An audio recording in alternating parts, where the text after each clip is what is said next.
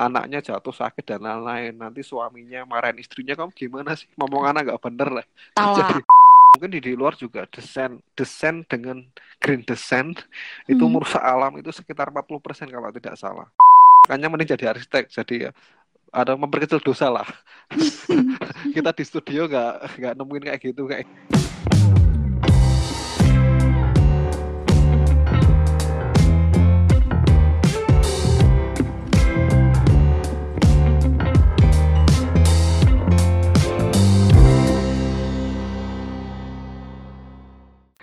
Halo semuanya, apa kabar? Masih bersama gue Mbak Gay di Architox ngomongin A to Z seputar arsitektur. Di episode yang ini nih, gue berhasil interview salah satu hmm, apa ya? Sebenarnya gue taunya karena sekampus sih dulu, tapi beda angkatan. Karena beliau jangan beliau. Karena do ini lebih kredibel untuk bahan tanya-tanyaan untuk pertanyaan-pertanyaan. Kan sebelumnya gue udah uh, kasih di instastory gue akan interview tapi gue nggak nggak kasih tahu bakal interview siapa. Dan pertanyaannya ini ternyata wow berat-berat juga ya. Terima kasih teman-teman yang sudah bertanya tapi jangan sedih teman-teman. Teman-teman. Pertanyaannya akan dijawab di episode selanjutnya. Di episode ini gue akan ngobrol-ngobrol tentang masa depan arsitektur Indonesia. Menarik bukan? Eh tapi kalau nggak menarik juga nggak apa-apa. Tapi dengerin aja ya. Jadi pokoknya beginilah interviewnya. Yuk. Assalamualaikum warahmatullahi wabarakatuh. Waalaikumsalam warahmatullahi wabarakatuh. Mas Tim, apa kabar? Alhamdulillah, kabar baik. Gimana ini? Kabar baik juga Gimana kan? ini ya? Alhamdulillah, terima kasih Mas Tim sebelumnya sudah mau menyempatkan untuk ditanya-tanya, ditanya-tanya. Yang penting jangan tanya jodoh ya. Uh, kenapa tuh? ada loh ntar loh. oh ada juga ya. Oh iya. iya. Siap nggak? Kalau enggak kita hapus aja nih langsung dicoret. Jadi uh, sebelumnya mau mengucapkan selamat dulu buat Mas Timar. Ma telat banget nggak sih ini? Udah sebulan belum Mas lulus oh, S2-nya? Belum, oh, belum, belum ya? Ada, belum telat belum ya? Ada. Iya, belum. Belum. Ditunggu kadonya ya. iya, ampun ditagi. Baik. Jadi yang belum tahu Mas Timar ini uh, abis lulus S2 ya Mas Tim ya di ITB. Iya. Kira-kira Februari ya? Maret Maret oh, Maret, Maret Maret pertengahan ya kira-kira. Oh gitu. Jadi nih Mas Tim berarti udah kelulusan yang ketiga ya? kelulusan keempat menurut aku. Oh empat. iya. Yang pertama apa dong? Yang pertama itu STM-nya empat tahun kan, jadinya capek gitu kan. Oh, Jadi okay. saya anggap kelulusan itu. Jadi keempat. Jadi uh, Mas Tip ini sebenarnya udah udah wis ham, yang ini belum wisuda sih ya, tapi bakal wisuda nanti. Berarti udah mau ketiga ya wisudanya? Iya. Yeah. Yang ketiga kali, wow.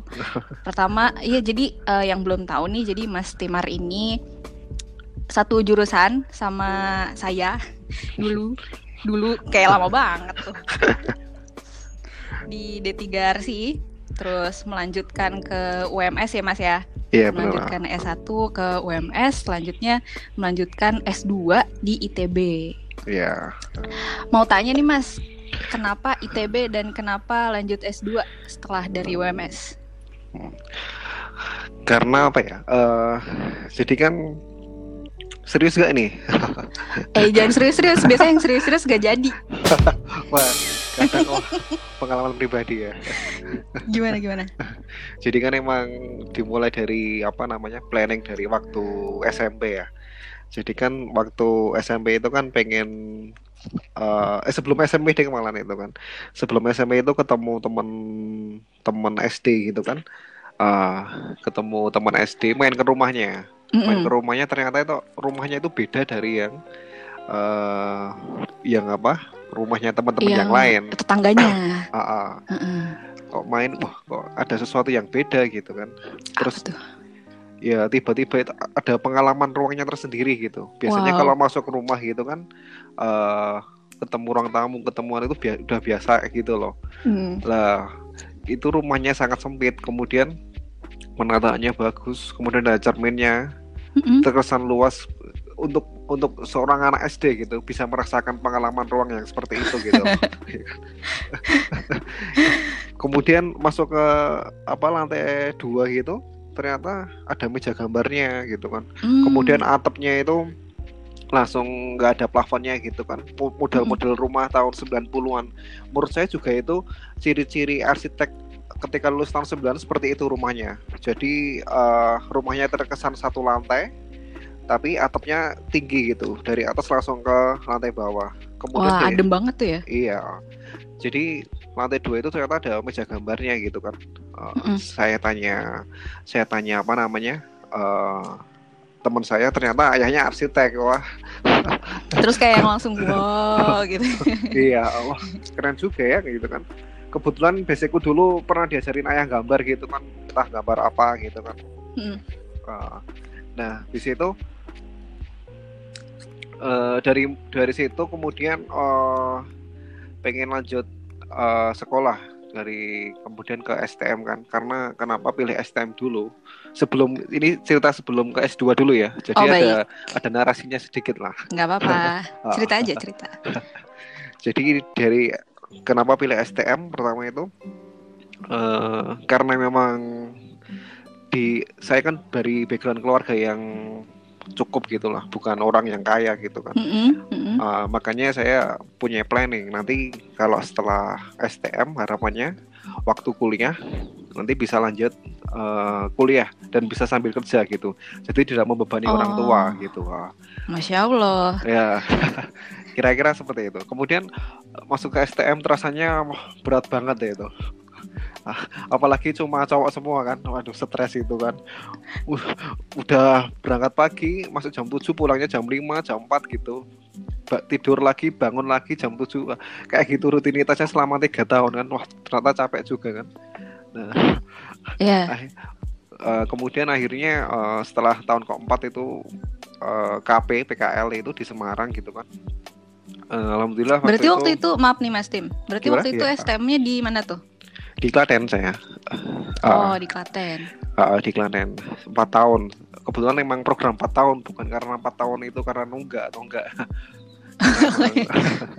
Klarifikasi ya, guys. iya klarifikasi kok sekolah lama-lama gitu kan ternyata empat tahun Heeh, memang programnya empat tahun nah setelah mulai dari Klaten ternyata waktu sebelum KP di Semarang itu saya ngajukan beberapa lamaran itu eh, untuk KP itu 10 apa berapa itu ditolak semua gitu kan karena Hmm. di eh, karena di STM aku itu jurusannya ternyata bukan gambar ternyata jurusan saya itu kan eh, TKBB teknik konstruksi batu beton gitu kan serem banget ya teknik konstruksi batu beton serem gitu pasti kalau orang Serem. lihat itu kayak orang kuli-kuli gitu kan gitu.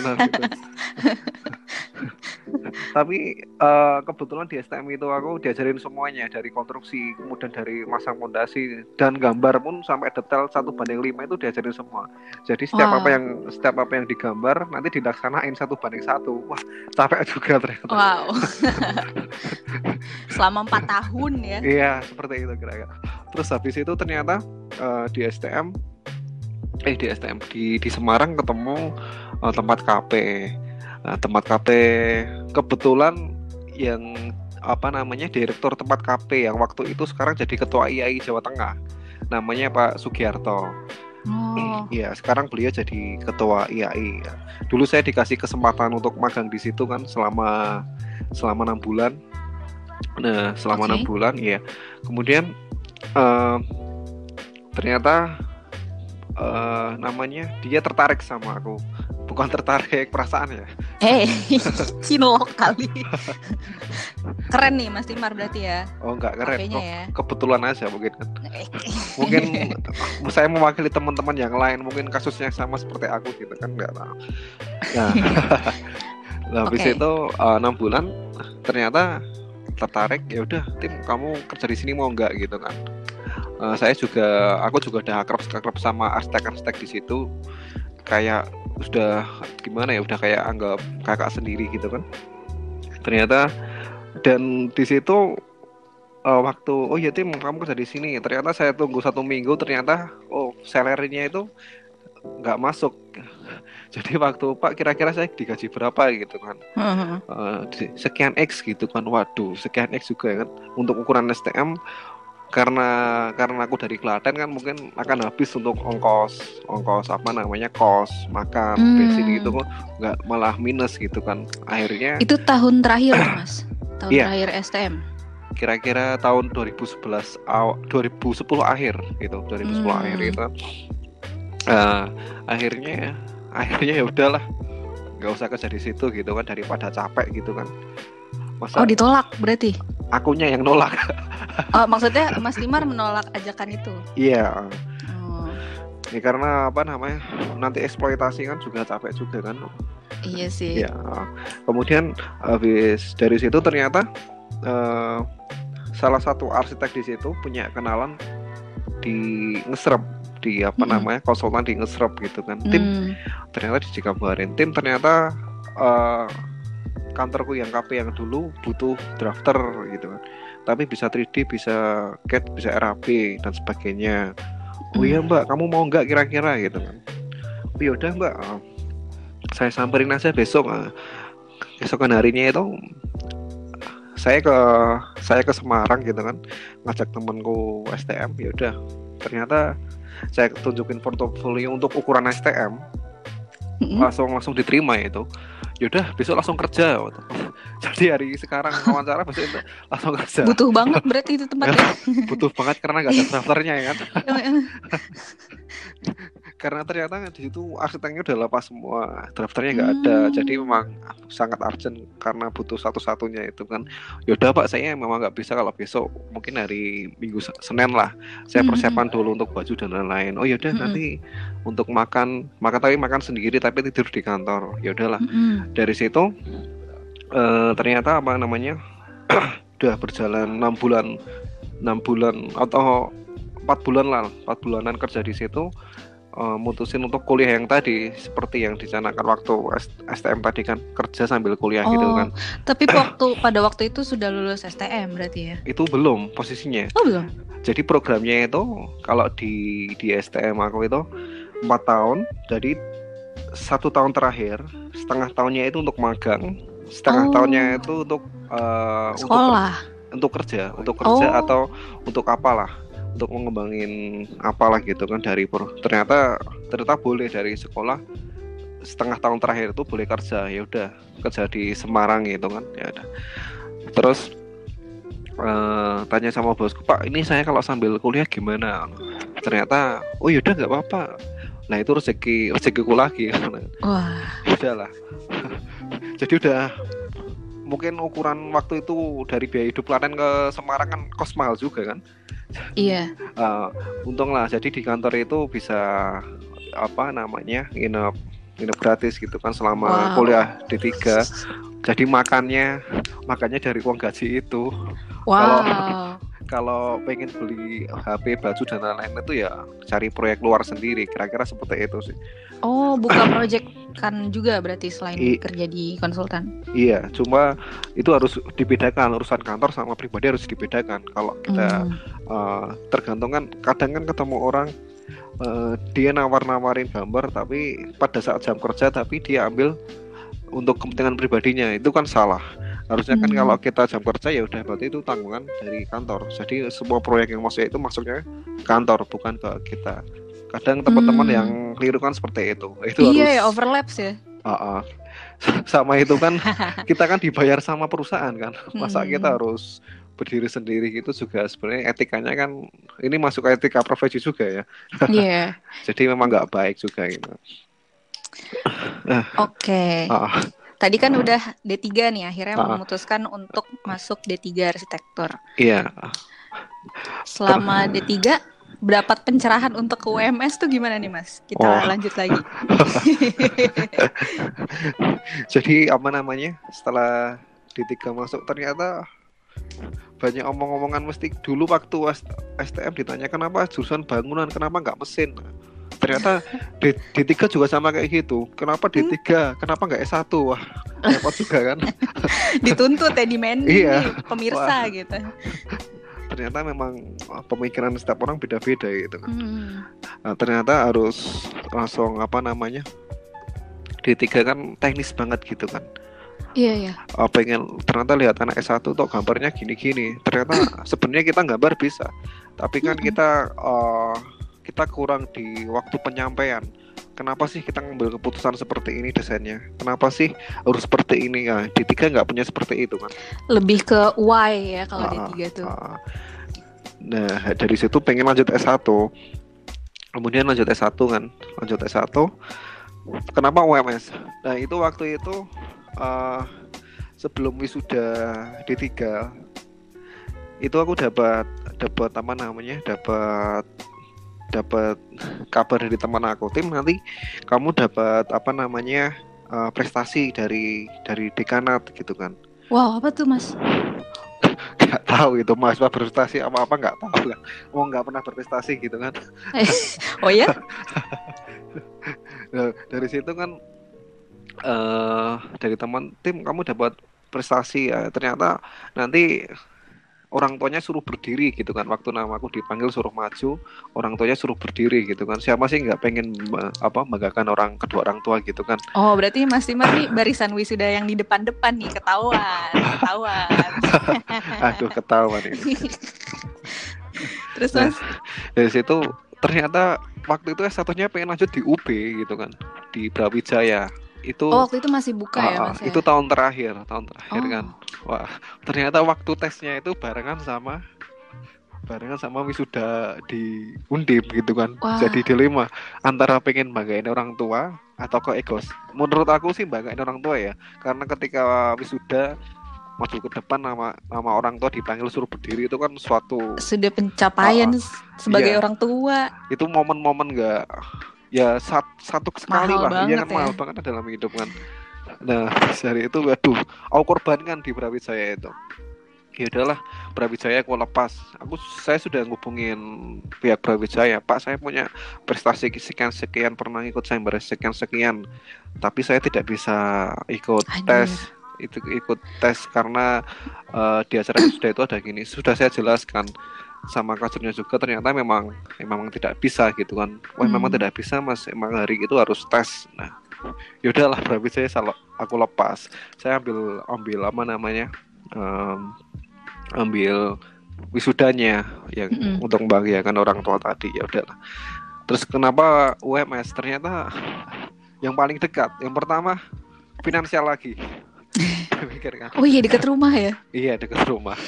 Rumah jadi aku tanya tanya anak-anak yang di Jakarta gitu kan gimana sih kuliah S1 di Jakarta Tangerang dan lain-lain? Oh itu Mar kalau di Jakarta tuh gini-gini biaya hidupnya mahal. Kalau kamu sambil kerja nanti kamu nggak fokus. Itu pun S1 kamu kalau transfer kan cuma satu setengah tahun sampai dua tahun. Nah mending kamu maksimalin untuk kuliah gitu kan daripada kamu harus kerja dan lain-lain gitu kan. Nah yeah. nah, ya, nah itu UMS jadi pilihan. Bukan karena apa ya pelarian nih memang karena pilihan gitu kan. Pilihan, karena pilihan terbaik di situlah jadi kan memang alhamdulillah pas aku di situ cuma satu setengah tahun. Wah rasanya syukur banget gitu kan. Eh satu kok cuma satu setengah tahun gitu kan. Padahal yang lainnya dua tahun dua tahun. Langsung gas ya? Oh ya oke iya, masuk. Ya, langsung gas satu setengah tahun ya itu ternyata waktu di uh, ke satu UMS ternyata pola pikirnya itu dirubah dari kita tadi hal teknis di hmm. lapangan hmm. seperti apa ternyata desa itu harus memahami benar-benar kenapa sih uh, harus bikin bangunan X kalau iya. di D3 kan nggak langsung kamu harus bikin iya. bangunan X gitu kan gimana gitu ya caranya uh, kalau ini uh, kenapa iya waduh kayak dibolak-balik gini ya jadi harus yeah. kayak mulai dari nol itu loh nah dari situ ternyata satu setengah tahun itu juga nggak cukup gitu kan. Wah, ternyata nggak cukup juga kan. Waktu itu juga nggak ada penelitian. Soalnya hmm. uh, apa namanya mata kuliah untuk tugas akhir D3 itu dialihkan nilainya untuk uh, penelitian di S1 Hmm. ternyata repot juga kan. Habis itu terus pengen cita-cita ke S2 gitu kan sebenarnya S2 udah lama sih kan karena pengen karena ayah dari seorang guru kan. Yaudahlah kalau Oh. orang guru pengennya jadi guru lagi gitu kan anaknya. Salah satu oh anaknya gitu. gitu. Oke oke oke. ya udahlah lanjut ke S2 kenapa pilih ITB kan kemudian saya eh, tanya-tanya gitu kan. ITB sama UGM ITB sama UGM atau ITS gitu kan. Nah kenapa pilih ITB ternyata eh, tanya dosen dari saya melihat bandingin antara dosen-dosen UGM sama dosen-dosen ITB ternyata untuk praktisinya itu bagus dari dosen ITB lulusannya. Kalau Hmm. misalkan dosen dosen 2 mas atau dosen undip yang lulusan UGM dia ranahnya mesti ke riset. Dia Hmm. condongnya situ. Tapi kalau saya melihat dosen-dosen yang lulusan dari ITB eh, dia prakteknya bagus jadi apa ilmu-ilmu praktek lapangan ilmu-ilmu teori di kampus itu bisa diterapkan di mahasiswa sambil dia nerangin oh kalau di lapangan seperti ini oh ternyata nah itu alasan alasan kenapa pilih ITB kira-kira seperti itu kemudian karena aku memang nggak suka riset gitu kan. bukan Hmm. Oh. bukan nggak riset apa nggak suka membaca jadi Oke. arahnya ke ITB kira-kira seperti itu sih Oh, Oke, berarti tesisnya di ITB ambilnya desain ya Mas ya? iya. Jurusannya dari awal emang kan ada dua itu riset sama desain. Iya. ya udah ambil desain. Nah, gitu. Ternyata eh, desain itu ternyata kamu ambil desain kenapa? Gini gini. Ternyata masuk desain itu agak susah menurut menurut aku. Daripada riset kalau desain itu kita harus mempersiapkan portofolio harus mempersiapkan pengalaman kerja dan lain-lain. Karena wawancara pada saat masuk itu sangat berpengaruh gitu. Beda Hmm. beda kalau riset itu beda. Jadi nggak harus pakai portofolio dan lain-lain Uh, portofolionya mungkin penulisan dan lain-lain itu masih masih bisa ternyata Hmm, hmm, hmm. uh, kira-kira seperti itu sih Iya, aku juga pernah. Jadi pertama kali tahu Mas Timar tuh dari ngisi ini, ngisi apa acara, jadi pembicara ya Mas Tim ya. waduh ya Itu Mas Tim cerita yang tentang apa mau masuk S2 itu, itu drama drama banget sih. Itu yang bikin kayak wow keren banget nih, nih orang nih. Lucu sih. iya itu ada ada cerita-cerita tersendiri ya. Iya. ternyata apa ya? Kalau dulu waktu tadi di STM tanyain kenapa STM nggak SMA gitu? Kenapa STM jurusan bangunan nggak mesin? D3 kenapa D3 nggak S1 gitu kan? Pas S, pas S1 UMS kenapa nggak negeri? Kenapa harus UMS gitu kan? Terus pas di kereta itu juga sama. Ketemu ibu-ibu tuh? gitu. Kenapa Hmm. S2 nya nggak di luar negeri mas? Kenapa di ITB Boleh eh, mungkin habis ini S3 di ini ya, di Australia kali Mas ya. Bagus kayaknya. Eh, iya rencana sih nggak tahu sih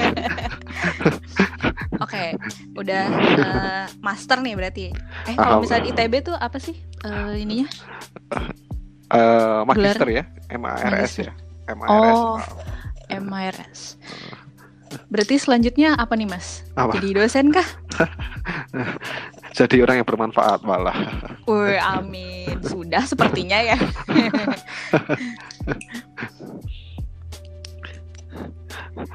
Ada keinginan kah jadi dosen Mas?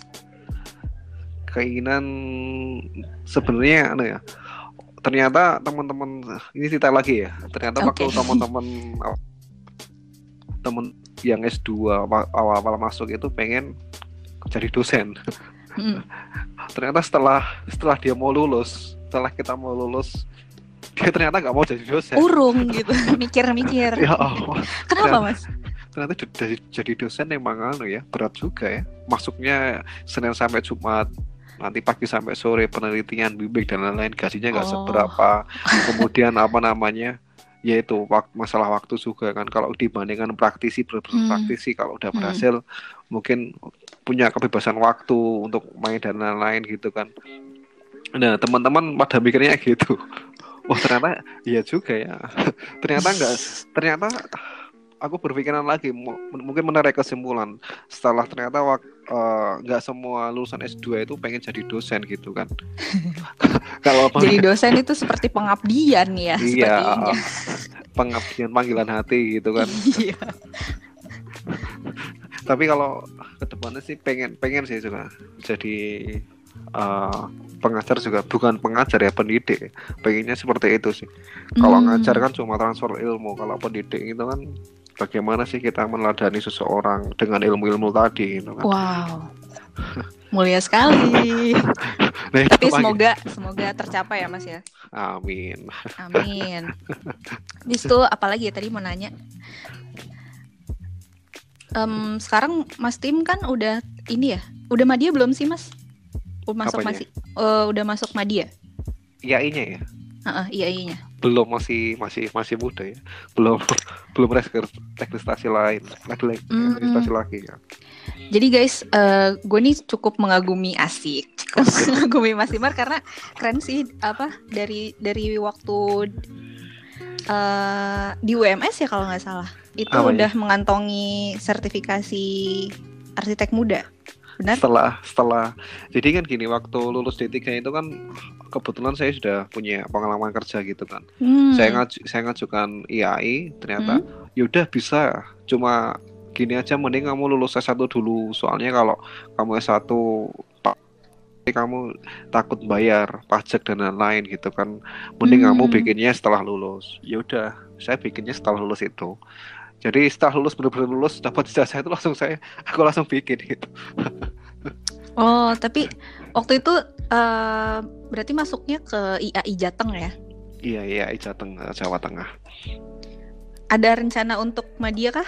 Pasti ya. mungkin mungkin iya tapi ke depannya kayaknya melihat peraturannya akan apa namanya semuanya akan disetarakan. Jadi nggak ada nggak ada arsitek yang muda madya utama itu semua sama. Oh. kayaknya ke depannya akan seperti itu seperti dokter gitu kan. Jadi itu pro pro kontra juga sih sebenarnya kan. Berarti yang undang-undang 2017 eh 2017 bulan ya? Benar ya? iya Itu kemarin Iya. bakal diregulasi lagi. Akan iya akan di akan diregulasi seperti akan diregulasi lagi gitu Hmm, menarik sih. kalau kemarin sebenarnya akan kadang aku juga kecewa sama teman-teman gitu kan ada sayembara misalkan saya ada sayembara gitu kan sayembara Mhm. itu ternyata mensyaratkan eh, mensyaratkan harus salah satu timnya harus beranggota ya Imadia gitu kan Mm-mm. lah kan kita repot yang Iya ya. kita kita misalkan satu kota gitu kan satu kota punya tim yang solid ternyata di antara kita itu nggak punya eh, SK Ahmadiyah Madia. Iya, punya SK Ahmad terus mau ikut kan juga nggak nggak bisa kan karena administrasinya harus Yes. paling utama adalah Ahmad. Oh di undang-undang pernah di di apa namanya etika itu menjelaskan pasal berapa lupa saya itu memberikan kesempatan sebanyak-banyaknya untuk arsitek muda.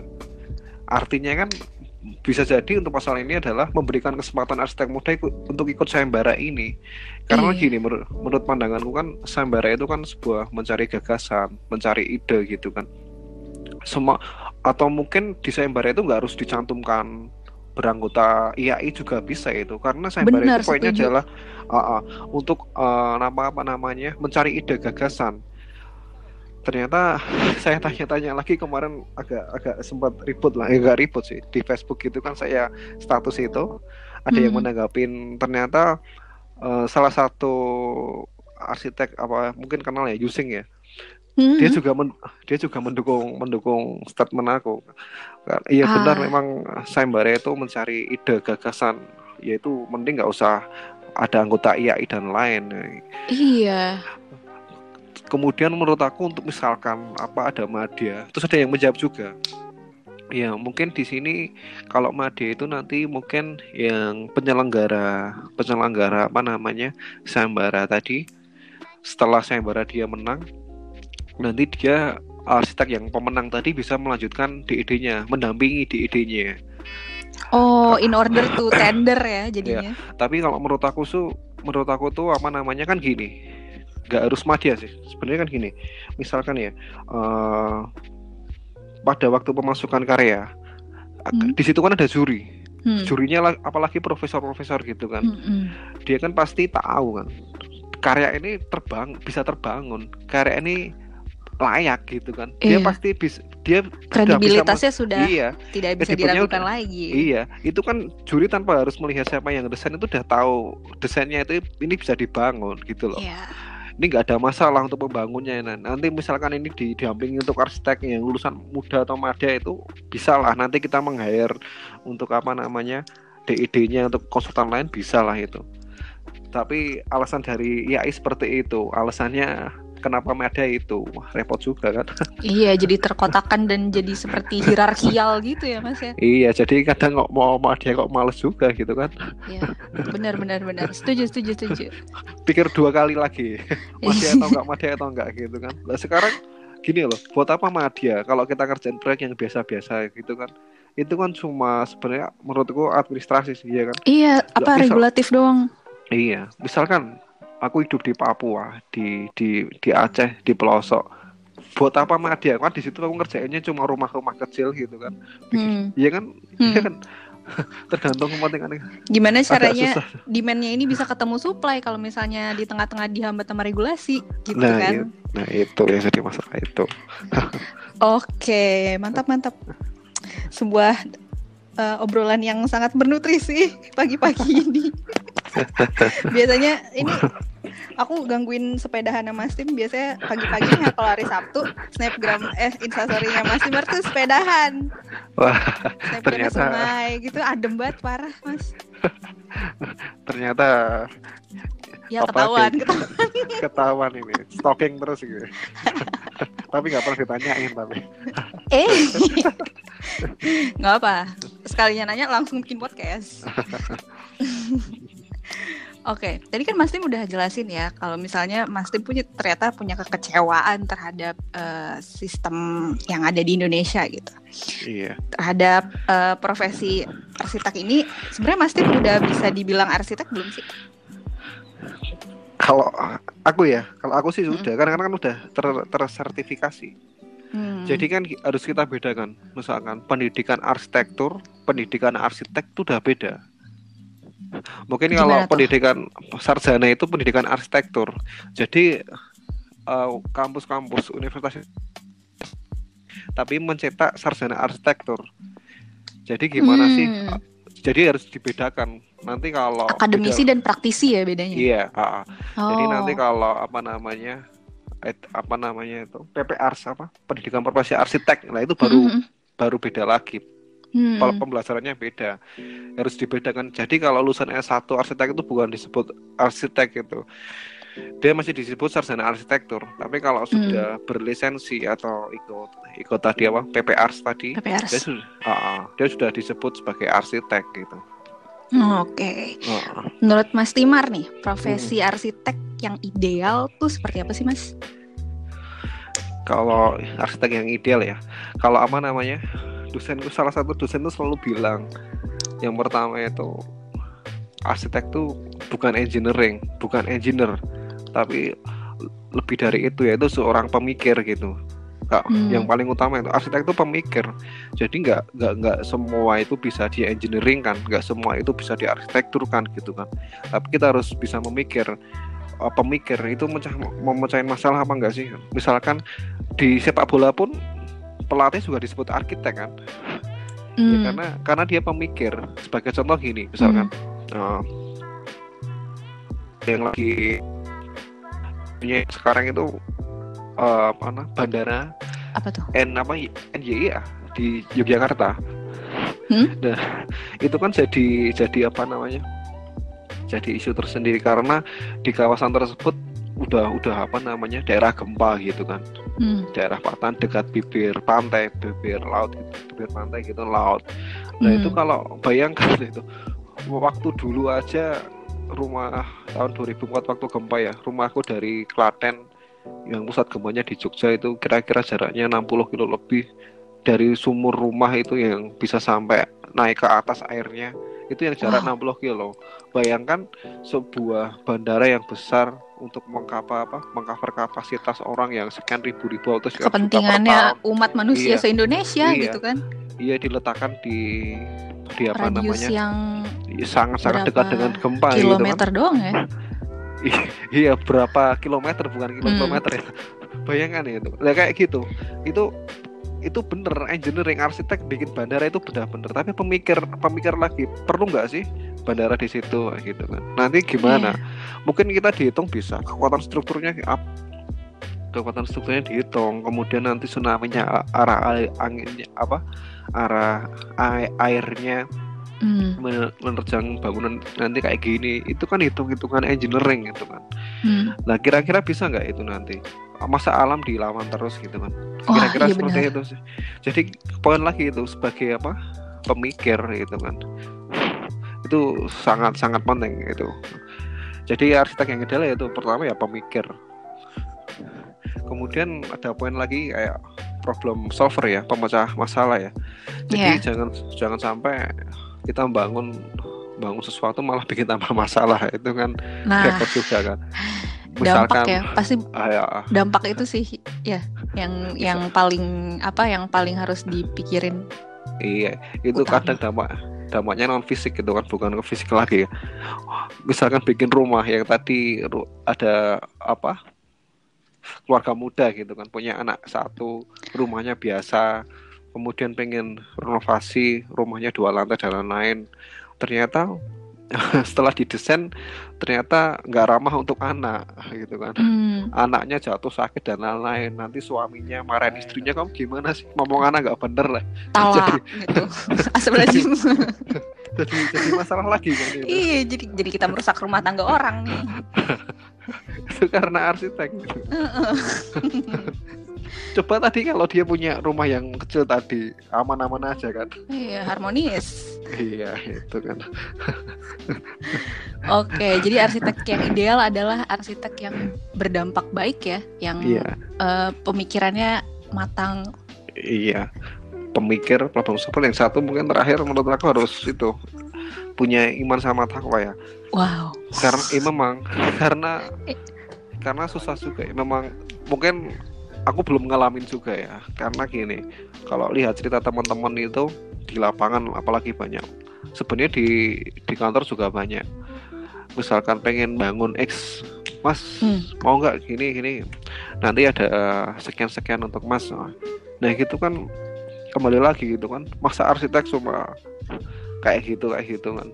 Harus imannya memang harus harus kuat ya. Ketika dikasih amplop dan lain-lain itu Wah. juga sangat penting gitu kan. Karena dunia konstruksi sudah gelap ya mas ya. Kalau kita masuk ke dalam ya sebenarnya. Iya sebenarnya pilih arsitek itu karena memperkecil dosa menurut aku. Kenapa tuh? Nah, karena di lapangan kayak gitu kan. Di lapangan uh, survei nanti ada orang harus diamplopin gini-gini ya. Itu udah udah udah nambah dosa. Makanya mending jadi arsitek jadi ya ada memperkecil dosa lah. Kita di studio nggak nggak nemuin kayak gitu kayak gitu di lapangan. Jadi kan memperkecil dosa. Misalkan di studio ada sedikit sedikit itu kan tadi dosanya yang tadi kan. Kalau di lapangan. Tetap kena tapi dikit aja gitu. Ya memperkecil dosa. Tapi kalau bisa sih jangan sih. Iya sih. Karena itu juga sih yang yang yang cukup serem sih uh, ketika banyak banget uh, orang tua yang yang eh, nggak uh, cuma arsitek sih kayak uh, yang dikonstruksi kan macam-macam ya mas ya. Ada sipil iya. ada apa lagi ya ada PWK juga ada kadang-kadang. Itu tuh uh, kalau masuk dunia konstruksi tuh rasanya kayak yang uh, wah ini banyak sisi-sisi gelapnya nih gitu. Kan masih kayak gitu sih. Masih nggak sih di mata orang-orang tua zaman sekarang Ma masih sih menurut aku. Masih ya, masih. Ya? Iya. Berarti tadi profesi arsitek yang ideal tuh yang pertama adalah pemikir, iya. kedua yeah. tadi apa ya? Kok lupa? problem solver gitu kan. Problem solver. Pem pemecah apa? masalah pemecah ya? masalah uh. terus yang ketiga adalah mempunyai iman dan takwa ini Wah, yang paling penting kayak semua semua profesi butuh ini sih mas ya apa harus dibalik ya harus pertama harus itu dulu ya oh iya yeah. itu fundamentalnya begitu ya? fundamental ya, ya. dibalik paling mendasar ya Oke, tadi udah soal profesi arsitek. Terus juga hmm, terakhir nih, udah terakhir aja deh langsung minum. aja kita tanya. Kopinya diminum dulu kopinya. Oh iya, silakan. biar kayak di ini, biar kayak di channel-channel YouTube yang interview gitu. Ya silakan gitu. udah, udah minumnya. kayak kayak iklan partai aja. Udah, udah. Indonesia. Udah, udah. Waduh, kesebut dan bisa di bisa di ini bisa disensor. Ke keracunan ini banyak kampanye ya sampai apal gitu. Yang terakhir nih mas. Sebelum menutup episode ini apa mimpi Mas Simar untuk arsitektur di Indonesia? Mimpi arsitektur Indonesia ya. Kalau Mm-mm. kembali lagi ke orangnya ya, kalau bisa sih setiap arsitek harus punya anu, karakter ya. Itu akan itu nanti akan berpengaruh terhadap arsitektur Indonesia. Yang pertama, setiap arsitek harus punya karakter. Jangan sampai eh kita tuh kayak gini, misalkan mungkin arsitek siapa itu pernah nyebut gini, misalkan apa namanya? Kalau dulu orang Sumatera itu namanya siapa ya? Simbolon gitu kan. hmm. Orang Jawa itu namanya Slamet gitu kan. Hmm. Orang Papua itu namanya Boas. Jadi orang itu tahu. Oh, itu namanya siapa itu? Selamat orang Jawa ya. Gitu. Itu namanya siapa? Simbolon orang Sumatera ya. Lah mungkin nah jadi dari situ bisa diambil ke tadi arsitek punya karakter. Itu karakternya Hmm. seperti itu siapa tuh? Oh, itu ternyata Gega. Oh, ternyata Wis, karakter am- itu siapa itu oh Tingmar ya kayak gitu loh yang pertama itu uh, karakter itu akan membentuk uh, arsitek Indonesia. Jadi kalau aku sih gitu. Kemudian ya itu arsitektur Indonesia ya harus ramah lingkungan ya. Ternyata ternyata green design pun saya saya lupa datanya. Itu desain dengan green design itu merusak alam sekitar 40% atau berapa itu? Bayangkan itu. Oh itu di Terus- Indonesia mas? Di hampir iya di, mungkin di, di luar juga desain desain dengan green itu Hmm. merusak alam itu sekitar 40% kalau tidak salah wow itu baru yang makan kalau nggak jadi gimana itu green gimana design ya nggak green design gitu nah kan? itu ah. mending nggak bangun sama sekali itu nggak merusak gitu kan iya lebih baik kita Nah. tidak tidak usah jadi arsitek aja apa gimana nih mas nah itu arsitek yang ramah lingkungan ya bener kan Hmm, iya sih. Di Indonesia juga eh, green building dan green design tuh masih agak-agak bias ya, soalnya untuk Iya. eh, penerapannya juga masih masih ya PR-nya banyak ya lah ya Mas ya. Mm-mm. Banyak banget. kemudian menurut aku yang kedua itu kayak apa kontekstual ars mimpi arsitek Indonesia anu ke depan ya kontekstual artinya gini sebagai contoh kita ketemu klien orang kaya dia Hmm. pengen bikin rumah pengen bikin rumah tetapi tetapi di desa Hmm. di desa itu ternyata kanan kiri rumahnya itu masih masih biasa lah menurut menurut masih ya bagus cuma ekonomi rakyatnya belum belum stabil atau Iya. gimana lah gimana sih beda sama kita ketemu klien orang kaya Hmm. di, di kota Hmm. Pasti desain kita harus beda dong kayak gitu kan Hmm. iya nggak itu Hmm. kan mungkin dari fisik bangunan tadi akan menimbulkan masalah sosial dampak Iya. ekonomi dan nah, nah itu harus benar-benar kontekstual ke depannya harus seperti itu sih masa kita bangun rumah mewah pagar apa depan rumah depan apa samping rumah kita masih atapnya masih kayak gitu kemudian dindingnya masih dari bambu misalkan lah gitu. Atau mungkin ki- oke lah kita bikin rumah yang mewah tadi tapi kita menyarankan si owner pak nanti kalau gini kita harus minimal kita bikinin pagar lah pak untuk eh, samping biar nanti ada korelasinya sedikit biar nggak ada tumpang tindihnya gitu kan. Hmm, berarti si arsitek ini harus sadar kalau misalnya ke apa eh, hierarki yang atas itu punya tanggung jawab pada yang yang yang yang yang yang berbeda dengan sekitarnya gitu ya. iya. Karena akan berdampak sosial juga. Nah itu yang paling berat sosial. Dan gak banyak yang sadar ya Mas ya. ya. Ya, maunya sih egois ya. Nah, arsitek itu kan. Pengen desain ya dipandang gitu kan. Itu desainku bagus kayak gini. Tapi kan Hmm. dampaknya itu kan yang kerasa. Saya beberapa kali pernah ketemu klien juga seperti itu. Alhamdulillah mereka sadar gitu kan. Mas rumahnya nggak usah mewah-mewah. Sederhana aja gitu kan. Yang penting eh, kebutuhan ruangnya terpenuhi gini-gini. Oh iya nanti kan kalau jadi omongan tetangga kan nggak enak seperti itu. Hmm. Iya sih, sangat relate sangat relate. makanya mungkin jadi arsitek di daerah juga kan susah kalau misalkan kita akan mengeksplor karya kita yang mungkin kalau di Jakarta Jakarta itu kan karyanya sedikit aneh sedikit unik dan lain-lain gitu kan. Mungkin kalau diterapkan di desa itu agak agak gimana ya? Akan beda jadi, ya ini ya iya, proses desainnya di, pasti beda. Jadi masalah sosial dan lain-lain itu kan beda hmm. lah Oke, menarik. Berarti tadi mimpinya uh, ke depannya bakal um, arsitek ini lebih memikirkan tentang lingkungan ya, karena dampak iya. yang paling uh. besar di Indonesia ya tugasnya kita tuh untuk menjaga lingkungan. Cie. Iya. Oke, terima kasih Mas Timar atas sharing-sharing bernutrisinya pagi-pagi ini. kopi sambil kopi kasih nutrisi ya. Udah terima kasih lagi deh buat Mas Imar. Semoga um, dapat berguna untuk masyarakat. Selamat ber apa ya? Berapa nih Mas? Semoga cepat-cepat nyebar undangan ya. Mudahnya dari bikin, tinggal tulis namanya ini mas. Wow, wow udah declare nih, udah declare nih. Jadi kita tungguin aja ya guys ya. siap, siap, siap, siap. Oke, terima kasih Mas Timar atas iya, waktunya. Yeah. Um, jangan lupa untuk mampir-mampir di Instagram Mas Timar juga di apa Mas? Timar Hasan. Timar Hasan, T Y M A R ya. Iya. T Y M A R. Kayak apa nulis Timar aja dah mesti muncul nama aku karena nama Timar mungkin satu itu doang. Oh ya nggak pasaran juga ya. Jadi tinggal iya. tulis Timar aja T Y M A R terlangsung muncul. Oke, terima kasih yang sudah yeah. mendengarkan juga. uh, semoga Eh, tapi nanti uh, di setelah episode ini ada episode bareng Mas Timar lagi. Kita akan jawab pertanyaan-pertanyaan yang sudah dilemparkan di Instagram. Udah banyak nih Mas yang nanya nih Mas. Waduh, ya. Dari Aku sekian jawab. banyak tapi cuma beberapa aja yang bisa kita jawab ya. Iya. Udah di list. Jadi uh, stay tune di episode selanjutnya. Terima kasih telah mendengarkan Arkitox. Sampai jumpa. Wassalamualaikum warahmatullahi wabarakatuh. Oh. Thank you.